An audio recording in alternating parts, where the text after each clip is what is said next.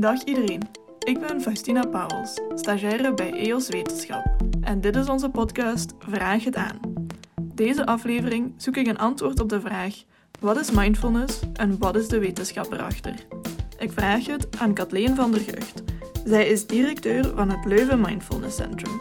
Ik interview haar in haar living. Dag Kathleen. Dag Faustina. Wat is mindfulness precies? Mindfulness is eigenlijk een training van uw hersenen, een training van uw brein. En mindfulness wordt onderzocht ondertussen vanuit verschillende disciplines. En vandaar ook dat er wat verschillende definities zijn. Maar de definitie die wij aan het Leuven Mindfulness Centrum gebruiken is eigenlijk de definitie van John Kabat-Zinn. En die definitie zegt dat mindfulness is doelbewust aandacht schenken in het hier en nu. En dit zonder te oordelen. Dus eigenlijk, die definitie toont reeds aan dat het gaat om iets dat je beoefent. En er is ook een zeker commitment nodig van de persoon die het beoefent. En in die definitie herken je eigenlijk al twee belangrijke elementen. Een eerste element is aandacht schenken. De aandacht schenken in het hier en nu. En dat doe je door bijvoorbeeld uw aandacht te brengen bij uw ademhaling, of bij bepaalde geluiden uit uw omgeving, of bij lichaamssensaties, gedachten, emoties. En het tweede belangrijke element in die definitie is de manier waarop je dit doet, de houding waarmee je die aandacht in het hier en nu brengt. En wanneer je die twee dingen combineert, dan kan je eigenlijk je ervaring van op enige afstand gaan bekijken. Dus je gaat er u niet langer mee identificeren, je gaat er niet onmiddellijk op reageren, maar je gaat ook niet uit de weg gaan. Dus als er een onaangename ervaring is, dan ga je ook die onaangename ervaring observeren. Dus dat is iets wat je oefent. Dat gaat niet vanzelf. Dus het is een training. Het is geen quick fix. Je moet echt oefenen. En u vermeldde al dat dat onderzocht wordt. Hoe wordt dat onderzoek gedaan? Hoe meet je de resultaten? Ja, zoals ik al zei, mindfulness wordt vanuit verschillende disciplines onderzocht en dat maakt het ook zo interessant. Hè. Er wordt gekeken naar wat gebeurt er in de hersenen wanneer je mindfulness meditatie beoefent. En dat gebeurt vanuit die technieken, brain imaging technieken, waarbij we kijken van verandert er iets aan de activiteit in bepaalde hersennetwerken of iets in de connectiviteit tussen bepaalde hersennetwerken. Dus dat is dan meer die neurobiologische kant. Er wordt ook natuurlijk onderzoek gedaan vanuit de psychologie naar de impact van mindfulness op emotioneel welzijn. Dat kan gebeuren met vragenlijsten, retrospectieve vragenlijsten of ook vragen die in het moment worden afgenomen. En dan spreken we van experience sampling. Ehm, er wordt ook gekeken naar gedragsverandering, dat kan via experimenten. Dus ook fysiologisch kunnen er, kan, er, kan er een impact zijn van mindfulness. En dan kijken we meer naar bijvoorbeeld parameters van inflammatie, ontsteking. Ook bijvoorbeeld stressparameters, cortisol levels of telomeerlengte. Dus telomeren zijn eigenlijk zo de... Die zitten aan de uiteinden van ons chromosomen. En we kan, de functie daarvan kan je best vergelijken als wat op het uiteinde zit van een schoenveter, om te beletten dat de schoenveter gaat rafelen. Wel, telomeren hebben een beetje dezelfde functie bij de chromosomen. Wanneer chromosomen delen, dan zorgen zij ervoor dat die uiteinden niet te snel gaan af, gaan, ja, kapot gaan. En wat men bijvoorbeeld ook ziet als een effect van meditatie, is dat mensen die regelmatig mindfulness meditatie beoefenen, dat de lengte van die telomeren langer is daar. In vergelijking met een controlegroep die gematcht is qua leeftijd, qua context waarin de mensen leven. En dus die telomeren zijn eigenlijk een beetje een aanduiding voor veroudering. Die zijn daarmee geassocieerd. Dus vanuit die verschillende disciplines kan men kijken naar de impact van mindfulness. Zijn er nog meer echt concrete dingen die u zo kan bedenken waar mindfulness bij helpt? De sterkste evidentie tot dusver die zit eigenlijk in een klinische context. Dus dan zien we bijvoorbeeld de grootste effecten eigenlijk, die vergelijkbaar zijn met effecten van andere evidence-based therapieën voor mensen met depressie, voor mensen met angststoornis, ook mensen die aan een verslaving lijden of te kampen hebben met eetstoornissen. Dus in die gebieden zien we dat mindfulness-based programma's het even goed doen als andere evidence-based programma's.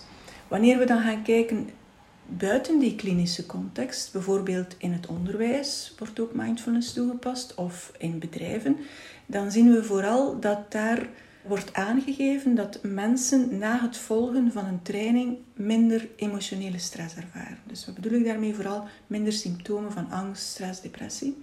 En de levenskwaliteit neemt toe.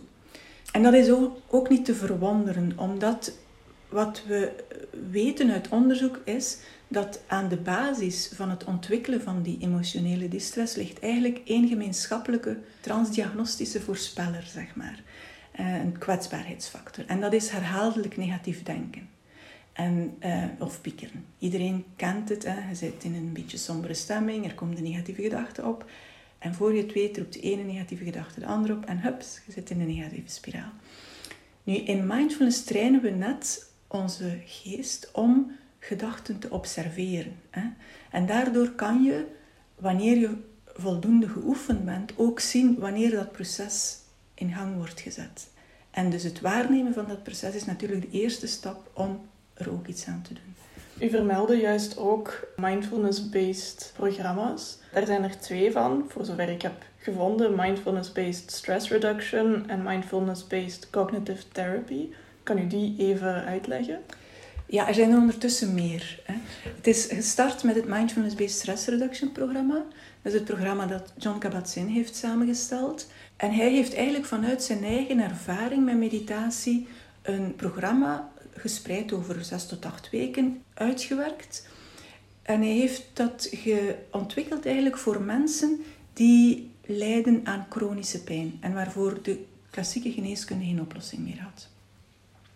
En wat hij, heeft daar ook onmiddellijk onderzoek aan gekoppeld. En wat hij zag is dat na het volgen van die training de pijn was niet verdwenen, maar de mensen gingen er op een andere manier mee omgaan. En ze gaven ook aan dat hun levenskwaliteit was toegenomen. En dus, ja, dat was iets, een, een heel belangrijk resultaat, zeg maar. Daar is ook interesse dan gekomen vanuit andere disciplines, onder andere van Zendel Segal, Mark Williams, uh, John Teesdale, die werkten met mensen die aan depressie lijden en heel gevoelig zijn aan die terugval van, her, van depressie. En zij hebben dan vanuit hun ervaring met hun doelgroep het Mindfulness-Based Stress Reduction programma als basis genomen en hebben daar dan elementen van de cognitieve gedragstherapie aan toegevoegd. En op die manier is dan het Mindfulness-Based Cognitieve Therapie-programma ontstaan, dat ondertussen al heel veel onderzocht is en dus even effectief blijft te zijn als andere behandelingsmethoden in tegen depressie.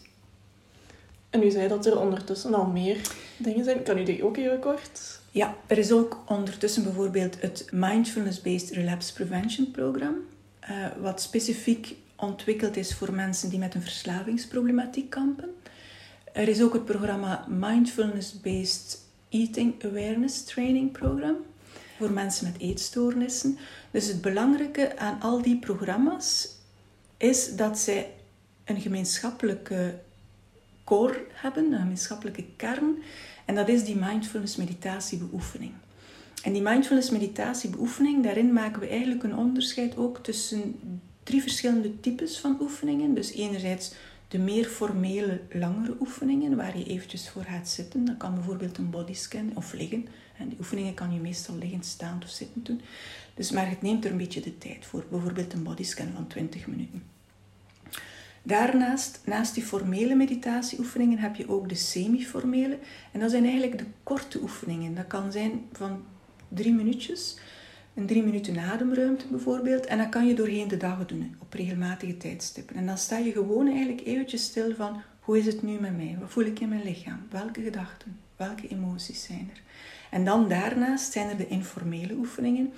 En daarmee bedoelen we eigenlijk dat je dingen die je dagdagelijks doet, eigenlijk een beetje zelfs op automatische piloot, nu met die volle aandacht gaat doen. En een klassiek voorbeeld is bijvoorbeeld een douche nemen, dat je niet wanneer je onder de douche staat, je to-do-lijstje van die dag gaat aflopen, maar echt voelt van oké, het water op mijn huid, welke sensaties enzovoort.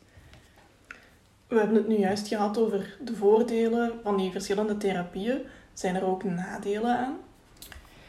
Inderdaad, er is geen enkele behandeling zonder neveneffecten. Dus, en dat is ook zo voor de mindfulness. Gelukkig is daar recent heel wat onderzoek naar gedaan. de recentste papers die tonen aan dat de meest voorkomende neveneffecten zich eigenlijk situeren in, als symptomen van een hyperarousal toestand. Dus daarmee bedoel ik, mensen zijn eigenlijk een beetje hyperalert. Uh, van, op het min, van het minst gaan ze schrikken. Ze komen vaak gevoelens bij angst bij kijken, ook slapeloosheid. Dat is één categorie zo van nevenverschijnselen die kunnen optreden. Een andere is dissociatie. Dus dat betekent dat het allemaal onwerkelijk aanvoelt. Het is alsof dat je een beetje verdoofd zit in je hoofd. De mensen met wie je bijvoorbeeld aan de tafel zit voelen vreemd aan. Het tijdsbesef is ook anders. En dus die dingen kunnen optreden. En het is belangrijk om, natuurlijk, sommige mensen zijn daar gevoeliger voor dan anderen. Maar het is dus belangrijk dat wanneer je gaat beslissen om een mindfulness training te volgen, dat je dat doet bij een trainer die professioneel is opgeleid, gecertificeerd. Die mensen zijn er ook van op de hoogte dat dat kan gebeuren. Die kunnen die symptomen herkennen. En dan ben je ook veilig en in, in een goede omgeving kan daar ook mee omgaan worden. En die symptomen zijn dan ook vaak van voorbijgaande aard.